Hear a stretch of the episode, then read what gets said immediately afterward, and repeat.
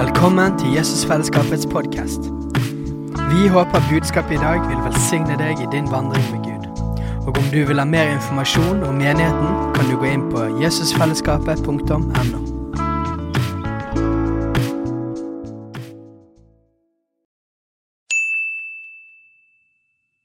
Hei! Visste du at Jesusfellesskapet starter en ny bibelskole til høsten? Den heter Jesusskolen og starter den 3. september. Gå inn på jesusskolen.no for mer informasjon.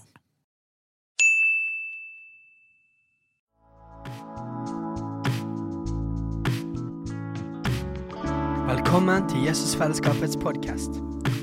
Vi håper budskapet i dag vil velsigne deg i din vandring med Gud. Og om du vil ha mer informasjon om menigheten, kan du gå inn på jesusfellesskapet.no. Hei sann, hei sann. Er det liv i deg? Yes, så bra. Skal bare finne notatene mine på sånne tekniske vidundere. Så. Her kommer de, vet du. Um, det er spennende ting som skjer nå i, helgen. I helga så er uh, Veien slash Impact på teamturer. Så det er en gjeng som er i Alta. Hei, det er en gjeng som er på Island. Og det er en gjeng som er i Belgia. Og De som er i Belgia, de, de hadde litt av en tur til Belgia. Eh, de skulle reise da med det hyggelige flyet til København klokka seks om morgenen på fredag. Og det gikk jo helt fint. Alle kom og kom seg opp og alt. Og så ble flyet fra København til Brussel kansellert. Så da ble de da sendt via NIS i Sør-Frankrike til Brussel. Og så var selvfølgelig da flyet fra København til NIS forsinka. Så de rakk da ikke flyet fra NIS til Brussel. Så da fikk de tre-fire timer i NIS før de så endelig kom seg til Brussel. Jeg tror de havna på flyplassen i Brussel sånn i femtida på ettermiddagen, som jo var greit, for de skulle ha et møte i sjutida. Da hadde de vært på reise da siden klokka fire om morgenen. Så, ja. Men uh, ut fra hva de har lagt ut på Facebook, så ser det ut som de har hatt det bra. De har vært bl.a. i jeg tror det var i EU-bygningen eller noe sånt, og bedt og sånne ting. Og evangelisert sånn i, på sånne kjente steder og plasser og litt forskjellig. Så, så, det er jo bra. Fikk akkurat en tekstmelding fra Matt at vi måtte gjerne be om at de skulle komme seg hjem givninger i, i dag og i morgen, som er kansellert allerede. Så ta gjerne gjengen med i bønn. Vi ber en kort bønn nå.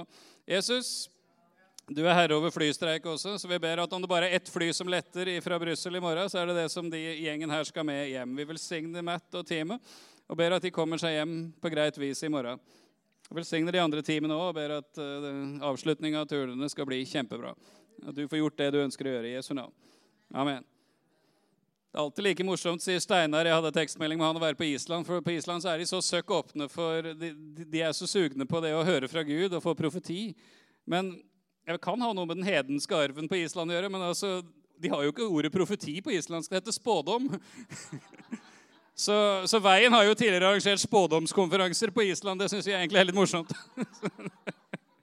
altså, men det betyr da også profeti, da, så ikke, ikke skriv noten om konservative lutherske websider eller noe sånt om hva vi driver med på Island. Gud velsigne alle de. Men. Så blir det veldig spennende neste helg med, med Roy Godwin. Er det noen av dere som har hørt han før? Altså, han var jo på Voss for et par år siden. og sånne ting. Da var han innom på veien. Og blant annet. Fantastisk fyr. Ikke fordi han er fantastisk, men eh, fordi det Jesus gjør gjennom han, og det de står i, er helt fantastisk. Han er omtrent så vanlig som det går an å få menneske. Han ser ut som en engelsk hva vi ble enige om, rørlegger. Ja. Han ser ut som en walisisk rørlegger, altså, og, og, Gud gjør helt fantastiske ting. Uh, han er en av de som det er ikke så ofte jeg sliter med følelsene når jeg oversetter, men når jeg oversatte han, så sleit jeg med følelsene. For det er en god del av de tingene han fortalte, var sånn til, ja, ja, så, så, jeg måtte liksom jobbe med å klare å få fram det han sa på norsk, fordi det var såpass sterkt, det han kom med. Så jeg anbefaler veldig sterkt de møtene neste helg. Altså. Det blir så bra. Uh, kanskje noen av dere som har fått med seg at uh, Ingebjørg og jeg har vært bortreist. På tirsdags ettermiddag så kom vi hjem fra Sør-Afrika. Ikke et feil sted å være på denne årstiden. Det var 32 grader på det varmeste, og sol og varmt. og Vi spiste lunsj med sebraer og klappa gepardunger. og i det hele tatt. Det var... Så jeg har hjertelige hilsener til menigheten fra Stig Rune og Han Li, for de som kjenner de. Eh, vi var invitert til å være med på en misjonskonferanse i menigheten de går i, Hatfield Christian Church. Så vi lengter jo etter at Jev skal bli så store da, at vi får egne logoer på drikkeflaskene og sånne ting. sånn. Jeg vet ikke om det er det vi kommer til å bruke penger på, selv om vi blir 4000 medlemmer som de er. Så det sier noe om kristenheten i Sør-Afrika. i forhold til her da. Altså, Pretoria-området har to-tre millioner mennesker. og Hatfield Christian Church er vel den fjerde største menigheten i området. da. Hm, de har nesten 4000 medlemmer. Kirkesal som tar nærmere 3000. Så de, de teller gudstjenesteoppmøtet ved å telle de stolene som er ledige de da, i kirkesalen sin med 3000. Vi teller liksom 1, 2, 3, 4, men de fant ut det var enklere å telle ledige stoler enn de som var fylt. Uh, veldig kjekt å være der. Fikk god kontakt med menigheten og med flere av lederne der. og sånne ting. Uh, de har misjonærer mange steder, også i Europa. De har misjonærer både i Frankrike og i Russland. og sånne ting. Så vi skal prøve å få litt connection med de i Frankrike, hadde jeg tenkt, så kanskje vi kunne dra og besøke de. Sånn at samarbeidet mellom nord og sør kan, bli utvikla. Uh, Eh, så hadde de da en gjestetaler på denne misjonskonferansen. En kar som heter litt avansert «Same» med H til slutt. Maurice. Han er pastor for den største menigheten i Egypt. Eh, det de mange regner som den største evangeliske menigheten i hele den arabiske verden. Eh, og han hadde noen fantastiske vitnesbyrd. Noen av dere kommer da til å høre det for tredje gang, eller noe sånt, for jeg har fortalt den en del i løpet av uka. De opplevde at før den såkalte arabiske våren så begynte Gud å tale til dem. og De fikk profetier om at Gud skulle gjøre noe stort, og det skulle skje noe som aldri hadde skjedd før. De ble minnet på Folk fikk sånne bibelvers som når Gud sier til Moses når de skulle gå ut av Egypt, at dette skal være begynnelsen på kalenderen deres, for nå skal jeg gjøre noe som aldri har skjedd før. altså så det ble kalt sammen til bønnemøter og i denne her grottekirken, hvis noen har vært borti den, som er et fantastisk sted. Ehm, så kalte de sammen til et sånn felleskirkelig bønnemøte for både ortodokse og evangeliske og andre. Og den tar 10 000, denne grottekirka. da. Og det kom 40 000 mennesker. Så de, de, de sto i alle ganger og alt, så det var liksom helt vanvittig. Og så begynner Gud å gjøre ting, da. Eh, og åpner opp ting. Sånn at han regna med denne pastoren, at bare i Egypt etter den arabiske våren, altså for syv-åtte år siden, så har over én million muslimer kommet til å tro på Jesus. Og det er bare i Egypt. Utover resten av den arabiske verden så, så er det mange, mange flere. Og de Jeg kunne brukt hele talen på å fortelle vitnesbyrd fra det, men det blir ikke så spennende. Jeg skal ta et par av de. Eh, etter hvert da, som krig i både Afghanistan og uroen altså både Irak og Syria alt kom, da, så, så kom det masse flyktninger til Europa. og Da begynte de å få forespørsler fra menigheter de sto i kontakt med i Europa om å sende mennesker som kunne snakke arabisk. Da. For de ønska å gjøre noe i forhold til flyktninger. Og et av de første teamene de sendte da, på en sånn tidagers tur eller noe sånt, til et eller annet land i Europa han, jo, han, han sa jo aldri hvem eller hva sånn. Det var til og med sånn at ingen fikk lov å ta opp disse møtene. For en del vitnesbyrd var jo på det nivået at hvis noen feil mennesker hørte det, så kunne folk miste livet eh, pga. forfølgelse og sånne ting. Eh, så var det en mann som ble med på en av disse første turene. og Han var fryktelig nervøs. En kar i 40 år. Han hadde aldri vært på team før, hadde aldri egentlig vitna for noen. Og, men tenkte ja, jeg kan jo oversette det andre har å si til arabisk. Det skal jeg jo alltids klare. liksom. Så jeg, jeg, han tenkte liksom Gud ville han skulle være med. Og Så kommer de da seint en kveld til en eller annen by i Europa og blir innlosjert av en menighet. og så Dagen etter har de bønn, og så skal de da bort til et sånt flyktningmottak. Og På vei dit når de begynner å nærme seg der, så kommer en høy mann gående ut derfra og ser, stirrer rett på han her. Og han tenker liksom, hva skjer nå? Og Så peker han på han og sier 'du'. Og han liksom, ja. Så sier denne her nesten to meter høye mm, mannen 'Du kom til meg i en drøm i natt og sa jeg har noe veldig viktig å fortelle deg.' Fortell meg hva det er. Så fikk han fortelle evangeliet om Jesus til denne, denne mannen. Sånn begynte misjonsturen for denne karen her. og Han fikk så blod på tannen, så, så, det påstås at han etter hvert nå har blitt medarbeider i en eller annen menighet et eller annet sted i Europa for å nå de muslimske flyktningene. Han, han dro hjem igjen, og så dro han tilbake igjen etter hvert. Altså. Så hadde de en bønn i menigheten der, spesielt denne pastoren, om at Gud måtte gjøre noe i forhold til radikale muslimer. altså at, han, at, Gud kunne ta en eller annen person eller flere og føre dem fra å være en Saulus til å bli en Paulus, hvis du tenker bibelhistorien. ikke sant? Saulus forfulgte de kristne, møtte Jesus og ble radikal evangelist og pioner. Og Så får han kontakt med en kar som kommer på besøk til ham og vil gjerne ha arabiske nytestamenter og kristelig litteratur. og sånn. Det viste seg at han hadde vært lokal leder for en sånn Al Qaida-celle i en liten, liten by i Egypt og hadde utført terroraksjoner sammen med noen medarbeidere. Og Av forskjellige årsaker så ble de til slutt tatt til fange i Saudi-Arabia. Og Der fikk de et veldig enkelt valg. De saudiarabiske myndighetene sa dere kan enten forbli radikale muslimske terrorister. Da kommer vi til å holde dere fengsla her resten av livene deres. Eller dere kan bli moderate muslimer. Da skal dere få lov å reise hjem. Eh, men vi har våre etterretningsfolk overalt. sånn at Hvis vi da noensinne finner ut at dere står bak en eller annen terrorhandling, så kommer vi til å finne dere og drepe dere. Eh, så de skrev under på da, at de skulle bli moderate muslimer, og så fikk de reise hjem igjen til Egypt. Så når de kom hjem, da, så snakka de med hverandre og liksom ut og om ja, men åssen um, ser egentlig det ut? Ja, det, det, visste de ikke helt. Kanskje vi må lese i Koranen, da. Så begynte de å lese i Koranen for å finne ut hva det ville si å være moderate muslimer. Etter at de hadde gjort det en stund, så ble de alle grunn enige om at alt de fikk, var flere spørsmål enn svar. Så var det en som sa kanskje vi skulle lese, lese Bibelen.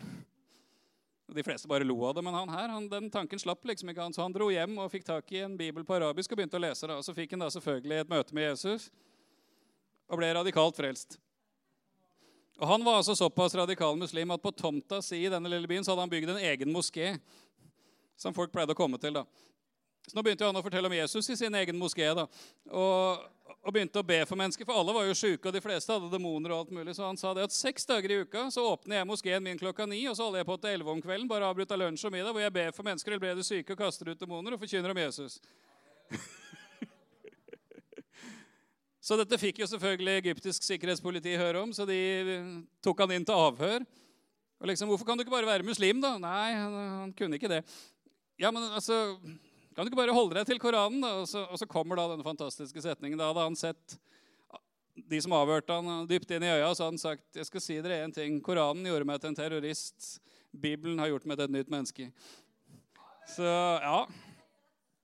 Så det skjer spennende ting i den muslimske verden. Eh, kanskje det skjer spennende ting blant muslimer her, her også.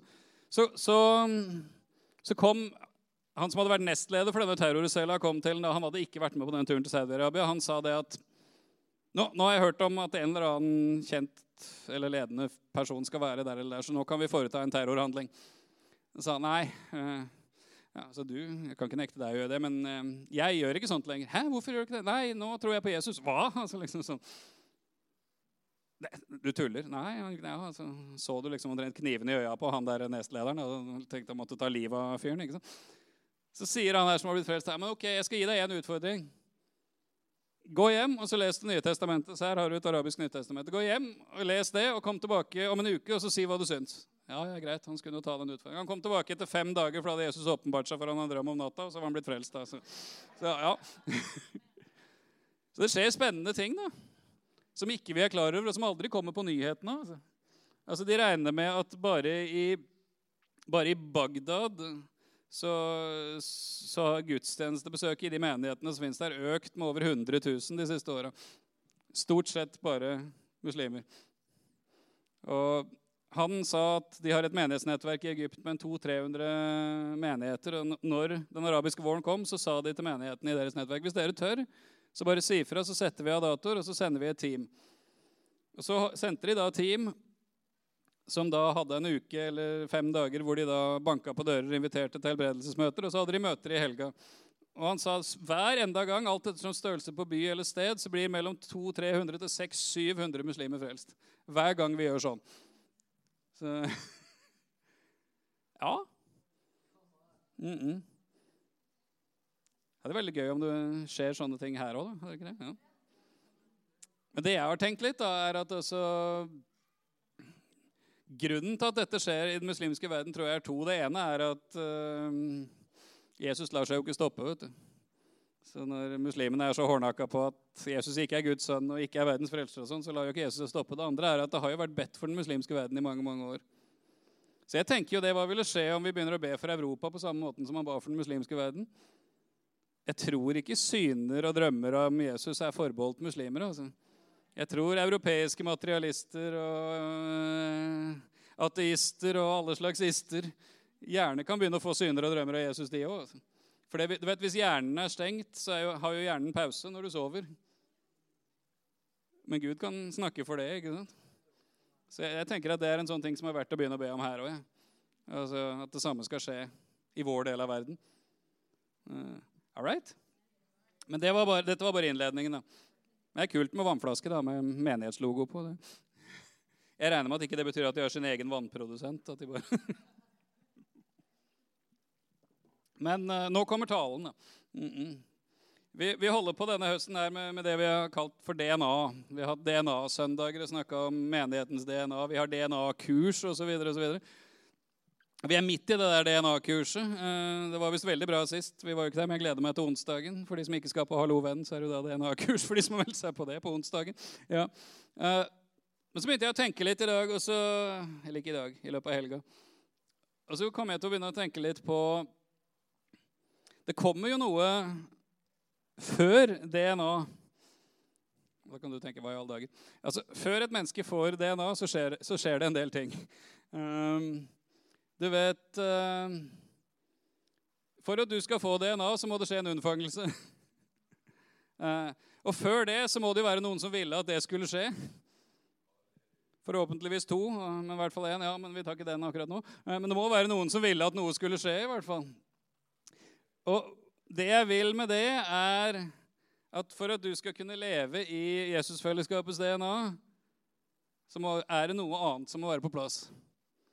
Før du lever i Guds nærvær, lever i menighet som familie, lever i disippelskap, overnaturlig liv og misjon, så er det noe annet som må være på plass. Og det har jeg tenkt å snakke om i dag. Uh, nemlig identitet. Uh, altså Dette høres veldig filosofisk ut, men mennesker til alle tider har stilt seg sånne spørsmål som Hvem er jeg? Hvorfor er jeg her? Betyr jeg noe? Altså, Har jeg noe verdi? Og i, i, så fall hvorfor eller hvordan har jeg verdi? Uh, og sånne ting er utrolig viktig. Uh, ifølge ordspråkene 23.7 så er det slik at sånn som et menneske tenker i sitt hjerte, slik er det. Det vil altså si hvordan du tenker om deg sjøl, det definerer hvem du er. Ikke nødvendigvis sannheten om hvem du er, men det du tenker om deg, blir sannhet for deg i forhold til hvem du er. Betyr ikke at det er det som er hele sannheten, men du skjønner hvor jeg vil hen. Eh, så derfor, da, litt sånn, litt sånn filosofisk, hva skjedde før din unnfangelse som kristen? Altså, Hva skjedde før du ble født på ny? Så jeg kommer til å være ekstremt grunnleggende i dag Kanskje så grunnleggende at det er fornærmende, og de fleste av dere har hørt alt sammen før. Men jeg oppdaga det at noen ting trenger vi å minnes på og høre om og om og om igjen for at det skal gå inn. Så er du klar for å høre noe veldig grunnleggende i dag? All right. Nydelig. Aha. Ok, Så hva skjedde før du ble en kristen? For det første så ble du skapt av Gud. Det er punkt nummer én. Ifølge Salme 139, fra vers 13 og noen vers utover der, så sier David, 'Du har skapt mine nyrer. Du formet meg i mors liv.' 'Jeg priser deg fordi jeg virket på forferdelig underfullt vis.' 'Underfulle er dine gjerninger, det vet min sjel så vel.' 'Mine ben var ikke skjult for deg da jeg ble virket til lønndom, da jeg ble formet så kunstferdig i jordens dyp.' Da jeg bare var et foster, så dine øyne meg. I din bok ble de alle oppskrevet, de dager som ble fastlatt satt, da ikke én av dem var kommet. Hvor dyrebare dine tanker er for meg, Gud. Hvor veldig er summen av dem. Vil jeg telle dem, er de flere enn sann. Jeg våkner opp, og ennå er jeg hos deg. Den første som ville deg, det var Gud. Før mor og far eh, hadde noe som helst tanke om å skape deg, hadde Gud tenkt på deg. Før en eneste en av dine dager ble til, var de alle skrevet opp i Guds bok. Det er en sånn der greie som det er nesten umulig å forstå, men vi må bare velge å tro at det er sånn. Eh, du er ikke en tilfeldig sammensatt celleklump. Du er villet av Gud, ønska av Gud, skapt av Gud. Du er faktisk, eller vi, altså mennesket, er faktisk det ypperste av Guds skaperverk. Jeg håper du har lest Første Mosebok 1. Ja, det er to som nikker, så satser vi på at dere har lest Første Mosebok 1. Du vet, Gud skaper, og det skjer jo sånn veldig sånn skjematisk og enkelt og greit. Ja, la oss lage det, og vi lager det, og så ble det var godt, og så lager vi det, og så lager vi det. Så, eller Gud skapte det og skapte det og skapte det, og det var godt, og det var godt, og det var godt. Og så kommer en liten sånn pause, og så skjer det noe annerledes. Når vi kommer til vers 27, eller 26 begynner med, da. så står det at Gud skapte mennesket i sitt bilde. I Guds bilde skapte han det. Til mann og kvinne skapte han dem. Eh, før det så er det akkurat som Gud får en god idé. La oss skape mennesket i vårt bilde. I vår lignelse. Alle de andre gangene står det bare 'Gud skapte'. Nå er det oss. Det er treenigheten som er reaksjonen her. Eh, og så blir det skapt altså noe i Guds bilde som ligner på Gud, og det er mennesket. Det vil altså si Hvis man skulle kjørt en DNA-test på deg, så, så ligner du mer på Gud enn alt det andre som er skapt. Du har mer av Guds DNA enn alt det andre som er skapt. Du er altså på én måte mye mer verdt enn alt det andre som er skapt. Mennesket står i en unik posisjon i Guds tanke og i Guds skaperverk. Ifølge Salme 8 så er mennesket skapt litt lavere enn Gud. Mm. Mm. Det er så kontroversielt at i mange århundrer i mange bibeloversettelser så sto det i Salme 8 du, du, du gjorde mennesket litt lavere enn englene. Men det er rett og slett feil. Det står Gud, men folk syns det var litt for hovmodig, så man vil liksom sette mennesket under englene. Men den originale skapelsesplanen var Gud, menneske, resten, altså inkludert den åndelige verden. Hei, hei. -hmm. Nice. Og det at vi er skapt i Guds bilde, betyr at vi har en vilje. Og vi har evne, ikke minst til relasjon, på et helt annet nivå enn det resten av skaperverket har. Jeg mener, Mange av dere har sikkert hatt et kjæledyr en eller annen gang. Uh -huh, ja. Jeg håper for det du har mennesker du har en bedre relasjon til enn det du hadde til det kjæledyret. Altså, Uansett hvor glad du er i et kjæledyr, så er ikke det et annet menneske. Altså. Og du kan ikke ha nivå, relasjon på samme nivå. Altså. Det, det, det, funker ikke, det. altså. Uh, ja, men han var jo så søt. Jo da, men altså, det hjelper ikke. Enten det var en gullfisk eller en katt eller en hund. Du har ikke relasjon på samme nivå med noe annet som er skapt, enn det du kan ha med et annet menneske. Fordi vi har en evne til relasjon som er høyere enn alt det andre. Både høyere og dypere og sterkere og alt det der. Og du er skapt av Gud med evne til relasjon fordi du er ment og skapt av Gud til å leve i en kjærlighetsrelasjon til Han. Så du er ikke bare villet, du er ikke bare ønsket, du er ikke bare liksom øverst på lista. Du er skapt fordi Gud ønska en kjærlighetsrelasjon til deg. Det er ikke verst, altså. Du er skapt You were made for love. altså, Du er skapt for å oppleve kjærlighet. Ikke minst i relasjonen til Gud. Så det er første punktet. Du er skapt av Gud. Punkt nummer to det er jo ikke bare skapt av Gud. Du er kjøpt av Gud. Fordi vi vet jo at første Mosebok ikke slutter med kapittel 1 og 2, hvor alt var såre godt og vel. Det kommer et kapittel 3, det kommer et fall. Det kommer synd, det kommer opprør. Og det gjaldt ikke bare de to første, det gjelder i grunnen hele menneskeheten.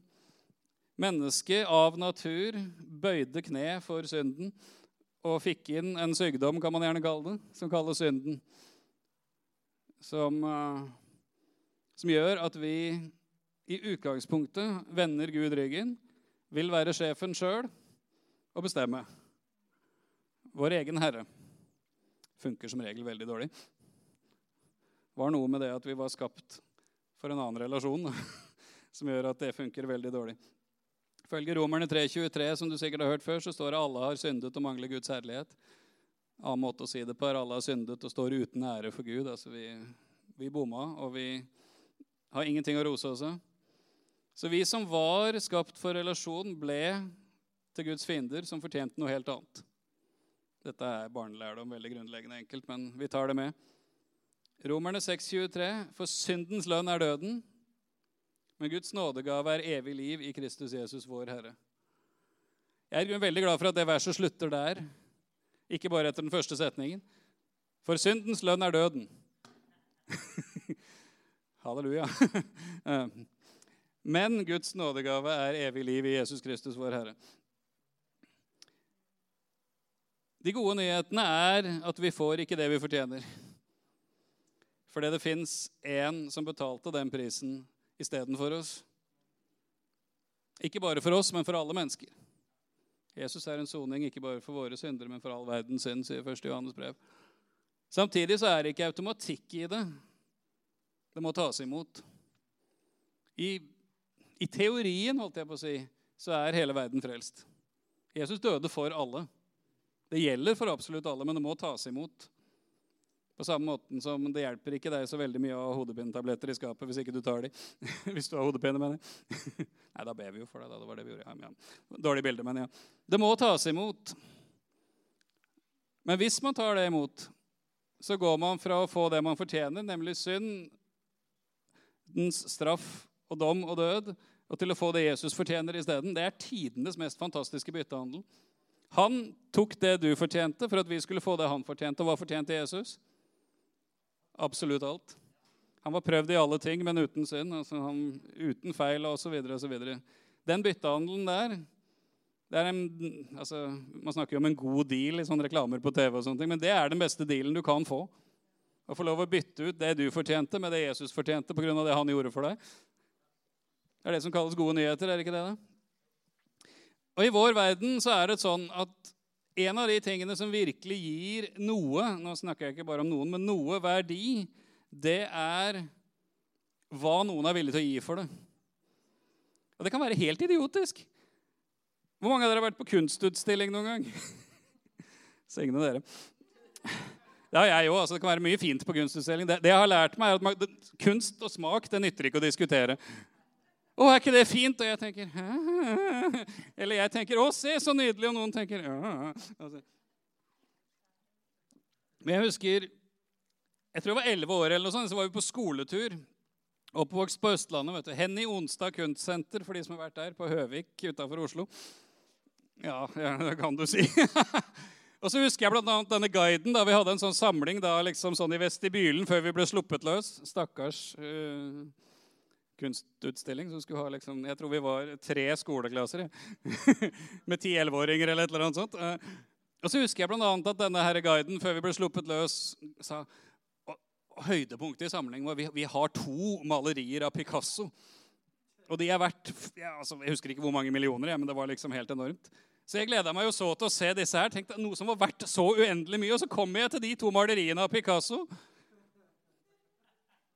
Og står og ser på de og tenker Det der kunne en fireåring ha lagd. Har du tenkt det om kunst noen gang? Ja. Men det hjelper jo ikke det at det kunne vært en fireåring. Hvis noen er villig til å betale 15 millioner kroner for det, så er det det det er verdt. Altså, ikke spør meg hvorfor. Altså, hvis du googler hva folk er villige til å betale for ting de samler på, så er det helt idiotisk. Liksom, Førsteutgaven av Donald Duck i Norge er verdt hvor mye? 250 000 eller et eller annet sånt? For et Donald-blad! Fordi det er førsteutgaven, ikke sant? Et eller annet frimerke verdt, kan være verdt oppi titalls, si hundretalls millioner hvis det er få av de. Altså Verdien har ikke noe å gjøre egentlig med gjenstanden. Det har noe å gjøre med hvor mye noen er villig til å betale for den. Har ikke det, da? Ja. For dere vet at det var ikke med forgjengelige ting som sølv eller gull dere ble kjøpt fri fra den dårlige ferd som var arvet fra fedrene, men med Kristi dyrebare blod som blodet av et feilfritt og lystløst lam, sier 1. Peter 1, 18 og 19. En av de tingene som gir deg verdi, er at noen var villig til å gi den ypperste prisen som fins for deg. Det fins ikke en større pris å betale enn å gi sitt eget liv for noen. Ingen har større kjærlighet enn den som gir sitt liv for sine venner. sa Jesus. Og det er sant. Det er det ypperste offeret. Altså penger, sølv og gull har ingenting å si i forhold. Du var verdig at Jesus ga sitt liv for deg. Ikke fordi du fortjente det, men fordi han elsker deg. Faderen ga avkall på det kjæreste han hadde, for din skyld. Fordi du var så kjær for han. Og Jesus var helt villig og frivillig gikk han med på å gjøre akkurat det. Gi livet sitt for deg.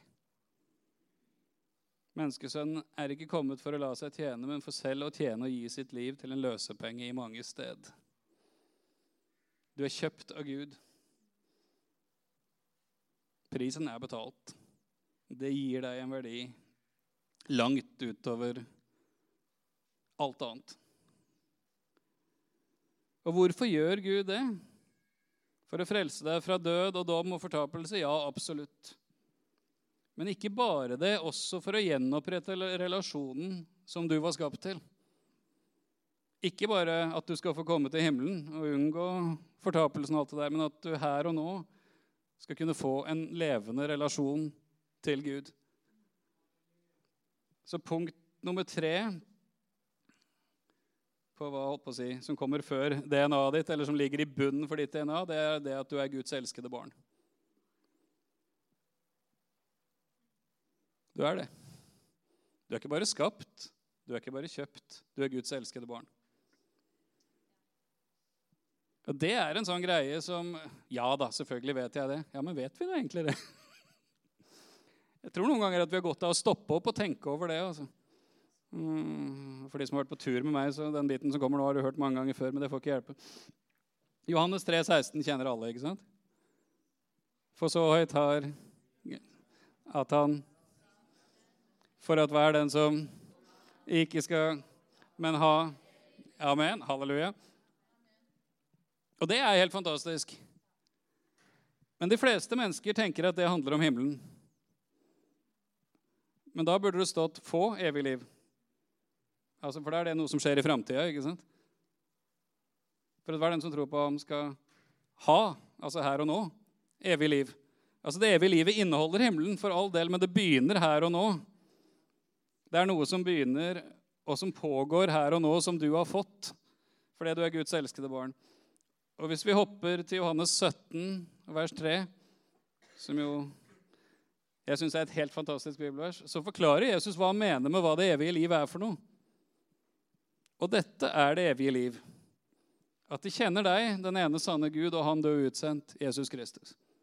Ok, For at hver den som tror på han ikke skal gå fortapt, men ha evig liv. For at hver den som tror på han, skal kjenne den eneste sanne Gud, og han som han sendte, nemlig Jesus Kristus. Hvis du har gitt livet ditt til Jesus, så har du altså fått et evig liv som betyr at du her og nå kan kjenne den eneste sanne Gud, og han som han sendte, nemlig Jesus. Å kjenne i bibelsk betydning av ordet, det er noe mer enn det at Ja, ja, jeg kjenner jo naboen. Du har mange bekjente sant? Det ordet er faktisk så radikalt at i første Mosebok kapittel 4 vers 1 så står det på grunnteksten og i noen norske oversettelser at Adam kjente sin hustru Eva, og hun ble med barn. Mm. Betyr ikke det at du skal, Vi skal ikke trekke den altfor langt. Men det sier noe om at å kjenne i bibelsk betydning, det er nært og intimt. Det er noe mer enn at jo, jo, jeg kjenner naboen, jeg vet han har to barn, jeg vet at han går på fotball, og at han liker den og den musikken. liksom. Å kjenne er nært og intimt. Mye nærmere og mer intimt enn det jeg tror de fleste av oss kan forestille seg til tider. Eh, så du er altså skapt og kjøpt for å leve i en kjærlighetsrelasjon til Gud, altså både til Gud som pappa, til Jesus og til Den hellige ånd. Og det Hvordan skjer dette her? Ved, på samme måte som alt annet som skjer i kristenlivet vårt her nede, det skjer ved Den hellige ånd. Faderen er i himmelen. Ifølge trosbekjennelsen sitter Jesus ved hans høyre hånd i himmelen. Ifølge Stefanus også, som så inn i himmelen og så det. Det vil si Da hadde Jesus reist seg. Han heia på Stefanus når han skulle gi livet for ham. Men ja, han pleier å sitte der. Satt seg ved majestens høyre hånd, står det i Hebreerbrevet. Så det er Den hellige ånd som er her, som gir del i disse tingene her. Og som i alle andre ting så er Jesus forbildet vårt her. Du har lest om når Jesus ble døpt, sant? Uh -huh. Ta Lukas-versjonen, kapittel 3, vers 21 og 22. Men det skjedde da alt folket lot seg døpe, og Jesus var blitt døpt og ba, da åpnet himmelen seg, og Den hellige ånd kom ned over ham i legemlig skikkelse som en due. Og det lød en røst fra himmelen, 'Du er min sønn, den elskede, i deg har jeg velbehag'. Fint. Jeg husker I menigheten jeg vokste opp i, det var det sånn glassmaleri av Jesus som ble døpt i Jordan. Han sitter på kne mens Johannes heller vann over huet på han. Jeg tror ikke det var sånn det funka. Eh, det, det er barnedåpversjonen. Det står at Johannes døpte der det var mye vann, uten at vi skulle gå mer i detalj på den. Men det kan nok bety mer enn noen dråper på hodet. kan du si. Ja. Men det er noe så men det jeg husker jeg var fascinert over, var at over der så var det en sånn lysstråle og en sånn due som så ut som et jagerfly som var på vei nedover. Så jeg satt og stirra på det når jeg var som barn. liksom. Han så liksom ut som sånn sånn, sånn falk i stup eller noe sånt, den der dua. Eh, men det fascinerte meg som barn, kanskje av feil grunn. Men samtidig så sier det noe om kraften i det og dynamikken i det som skjedde der. Altså Dette er jo altså at Den hellige ånd kommer over ham, og, og, Gud sier 'Du er min sønn, jeg elsker deg'. Altså, 'Jeg syns du er helt fantastisk'. Altså, 'Du gir meg glede. Jeg har velbehag i deg. Du bringer meg glede'. Pappa taler over Jesus og sier dette her. Og dette har mange av dere hørt meg si før, men jeg syns det er et vesentlig poeng. lærte jeg av en fyr som heter Peter Jackson for mange år siden. Ikke han med 'Ringenes herre', men han forkynner. Men han forkynner. Uh, når skjer dette her i Jesus sitt liv?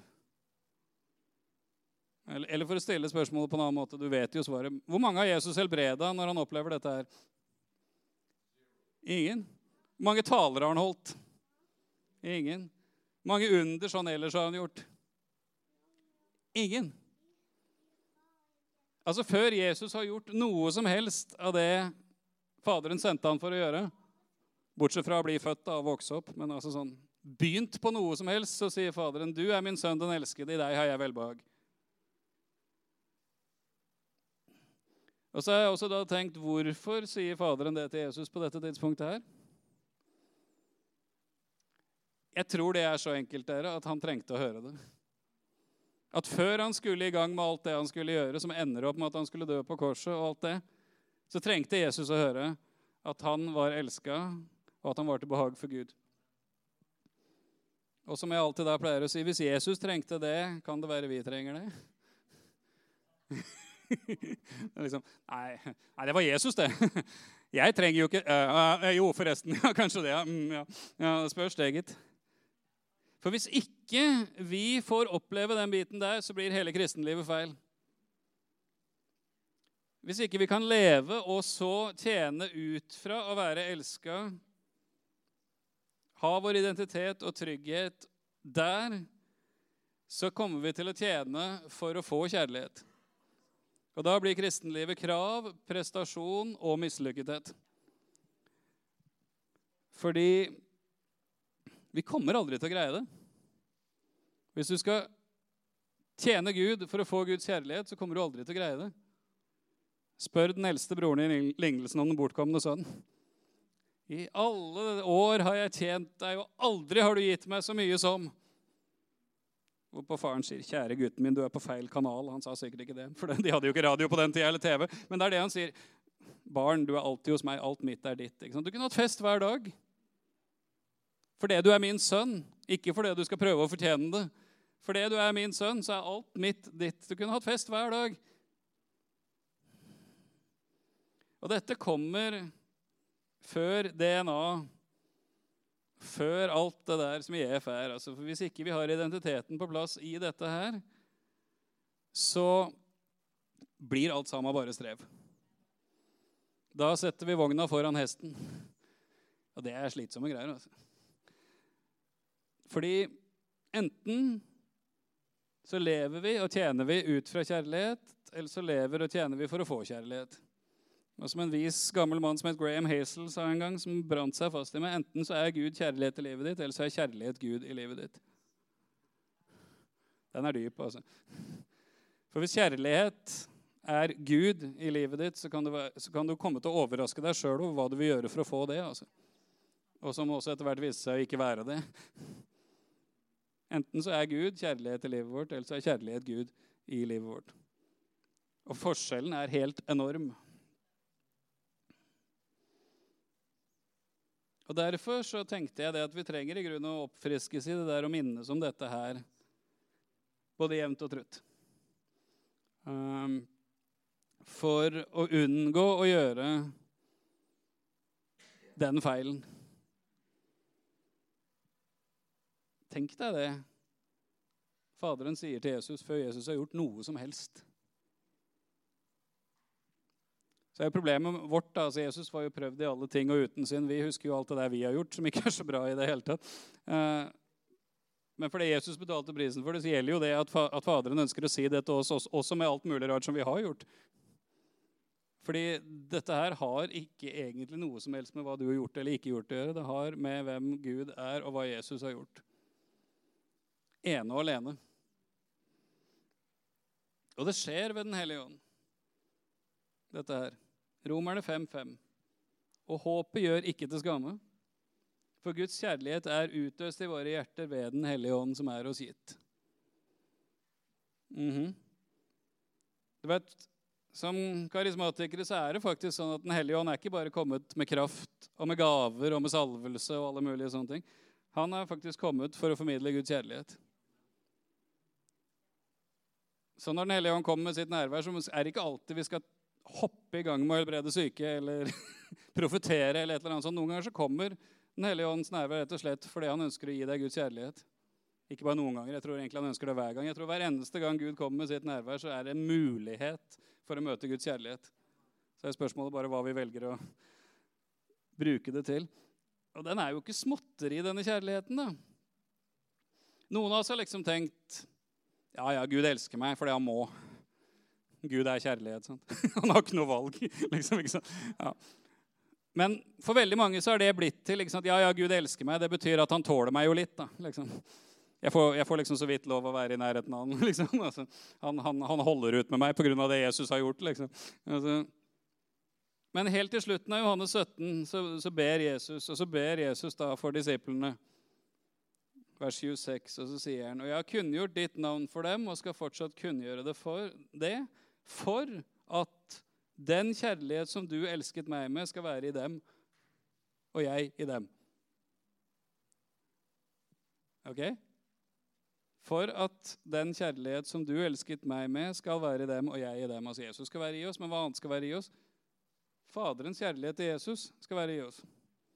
Det vil også si, og det er en sånn for å sitere min gamle venn Alf Bergsvik, 'Det svimler for min tanke, Gud'. Herlig bønnemenneske som jeg kjente i mange år. Um, det er ikke bare sånn at Gud vil at du skal få kjenne bitte lite grann av hans kjærlighet. Ifølge Jesus sjøl Hvor mange av dere vet at når Jesus ber, så får han svar på det han ber om?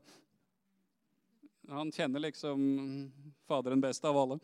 Ifølge Jesus, når han ber, så ber han altså pappa Gud om at den kjærligheten som pappa Gud elsker Jesus med, skal være i oss. Det vil altså si Faderen elsker deg akkurat på samme måten som han elsker Jesus. Det er en sånn karamell som egentlig er litt voldsom, syns jeg. Liksom Hæ? Meg? Mener du det? Ja, han mener faktisk det. Fordi hvis ikke Gud hadde elsket deg like høyt som han elsker Jesus, så hadde han aldri sendt Jesus. Da hadde han tenkt nei, jeg elsker Jesus mer enn de der, så jeg, han vil jeg ha for meg sjøl. Beviset på at Gud elsker deg like høyt som han elsker Jesus, er at han sendte Jesus. Og at Jesus elsker deg like høyt, er jo at han var villig. Men det er beviset. Gud viser sin kjærlighet til oss ved at Kristus døde for oss osv. Det er beviset. Det vil si, Gud elsker ikke deg litt. Han tåler deg ikke sånn litt fordi han må, liksom, pga. det Jesus har gjort. Og han er ikke sint, sånn at Jesus må komme imellom og si nei, nei, nei, nei, nei, du må ikke straffe dem nå. Husk, jeg har betalt, jeg har betalt. jeg har betalt. Altså, det, er ikke, det er ikke på det nivået. Jesus betaler prisen for å fjerne hindringen som gjør at Faderen kan elske deg. Og gi deg den samme kjærligheten som han har til Jesus. Og dette er det som kommer før DNA. Dette er noen ville. Altså du var villet av Gud, altså skapt av Gud. Og noen gjorde noe for at det skulle skje. Og noen var villige til å gjøre det i kjærlighet. Det som skaper et menneske, er som regel at noen er glad i hverandre. Og det som skaper oss, er at Gud elsker oss. Og dette må ligge i bånn av alt disse greiene, ellers blir DNA-greiene bare strev og kav og vas. Og nå må ikke du misforstå meg. Jeg mener ikke at det er det. Jeg mener det er både riktig og viktig. Men dette må komme først. Og Har vi det i bånn, så blir alt det der andre greiene spennende. Det er Guds nærvær spennende, det er menighet som familie spennende, det er disippelskap spennende, det er overnaturlig liv spennende, det er misjon spennende. Hvis ikke så blir det prestasjon og krav. Og vi skal være helt ærlige, Hvor mange av dere liker prestasjon og krav? Å, jeg elsker det, liksom. Jeg elsker prestasjon og krav. Bring it on! Jo mer, jo bedre, liksom. Hvis du elsker det, så kan det være du trenger eh, indre helbredelse på et eller annet område. For i så fall så får du verdi, bekreftelse og anerkjennelse fra feil kilde. Veldig. Så ja Jeg tenkte vi skulle gjøre noe med dette her. Ja. Uh, så Erlend, kan ikke du spille litt? Hvis det er sånn at vi tror at Den hellige ånd er her, og det tror vi, tror vi ikke det? Jo, det er godt. Så kan det da også være sånn at Den hellige ånd ønsker å øse Guds kjærlighet ut i våre hjerter? At den kjærligheten som Faderen elsket Jesus med, vil han ikke bare skal være i oss, men at vi skal få merke og erfare at den er i oss. Ja, men eh, kan ikke det bli følelser og sånn, da? Jo, det kan det absolutt bli. Men du er skapt med et sanseapparat og et følelsesapparat. Ikke bare derfor, men også for at du skulle kunne føle og erfare Gud. Hvis ikke så blir Gud den eneste du ikke kan føle og erfare, og blir det blir fryktelig feil, for da vil alle andre du kan føle og erfare, være sterkere for deg enn det Guds kjærlighet er. Så følelser er veldig bra, det. For det går an å føle, de, føle feil ting, og det går an å føle rett ting. Ja, men Å, føleri. Altså, jeg skal love deg, altså, I norsk kristenhet, i nordeuropeisk kristenhet, så kan vi holde på med alle følelsene av Guds kjærlighet. Vi dør, og det kommer ikke til å bli for mye. Fordi det har vært så altfor lite av det.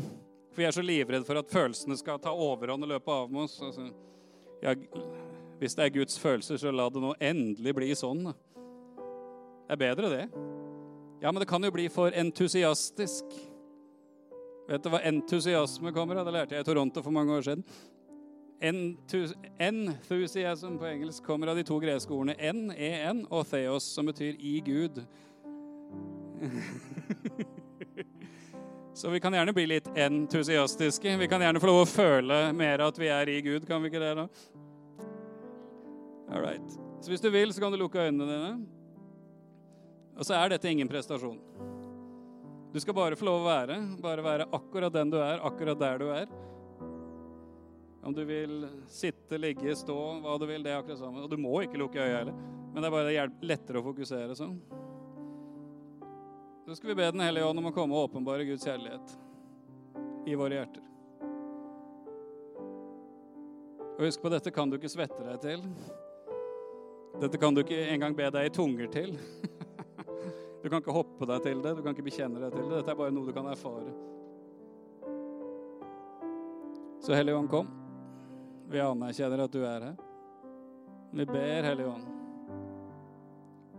øs Guds kjærlighet ut i våre hjerter.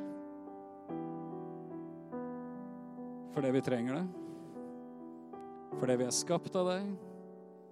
Fordi vi er kjøpt av deg. Fordi vi er elsket av deg. At den kjærlighet, Jesus, som pappa Gud har til deg, at vi skal få erfare at den er i oss. At du er i oss. Du som er kjærlighet. Kom, Hellige Ånd. Kom, Hellige Ånd.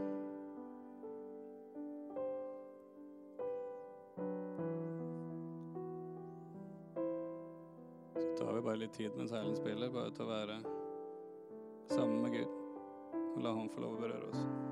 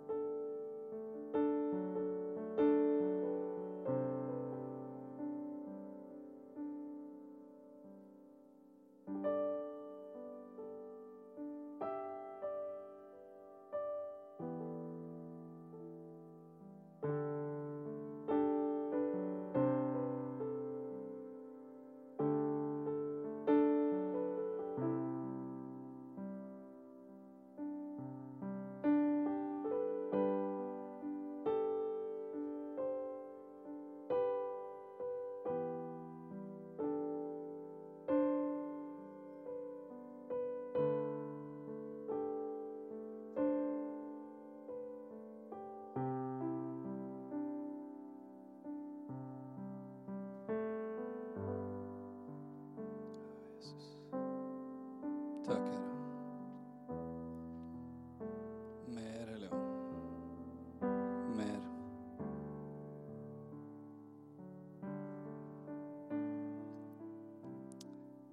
Jeg ber, pappa Gud, at hver enkelt av oss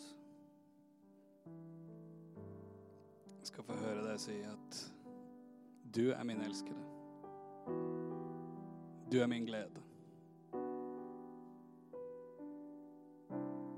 Akkurat sånn som du er.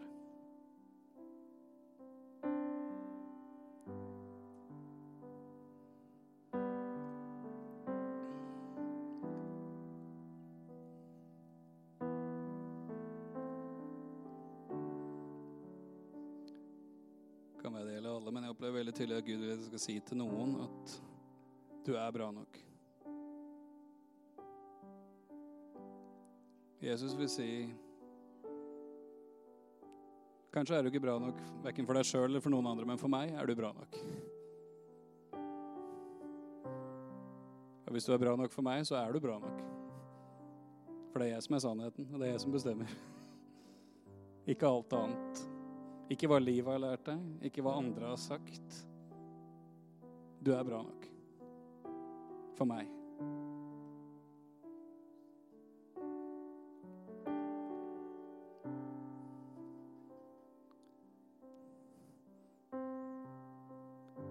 Så si det til deg sjøl. Jeg er bra nok. Her var en som gjorde det. Si det til deg sjøl. Jeg er bra nok.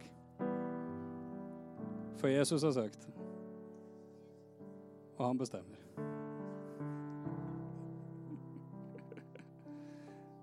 Det er, noe fri, det er noe frigjørende det å si seg enig med Jesus. det kan være alt inni oss skriker at ja, men, ja, men hva med det? Men, ja, men det, ikke, det, det har ingenting å si. Jesus har sagt det. Så er det sånn.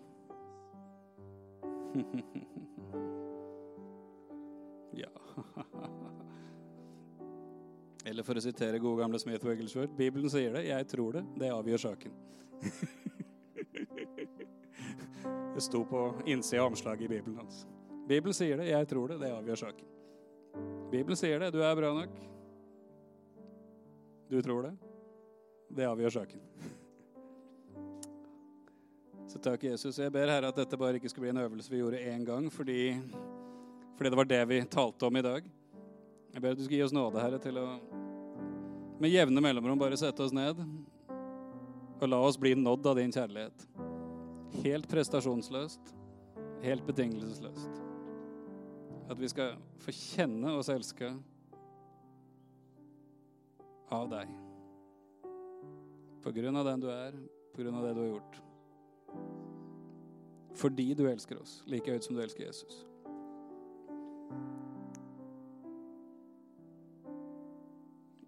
La oss få erfare Som du sa til disippelen Jesus, å bli i din kjærlighet. Forbli og være i din kjærlighet. Eller som Paulus ba, at vi skal være rotfesta og grunnfesta i kjærlighet. Takk, Herre. Takk, Herre. Yes.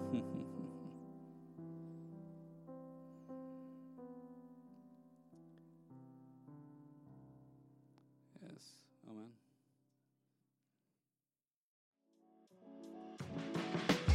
Hei, alle sammen. Det er Katrine og Steinar Lofnes her. Vi er hovedledere for Jesusfellesskapet.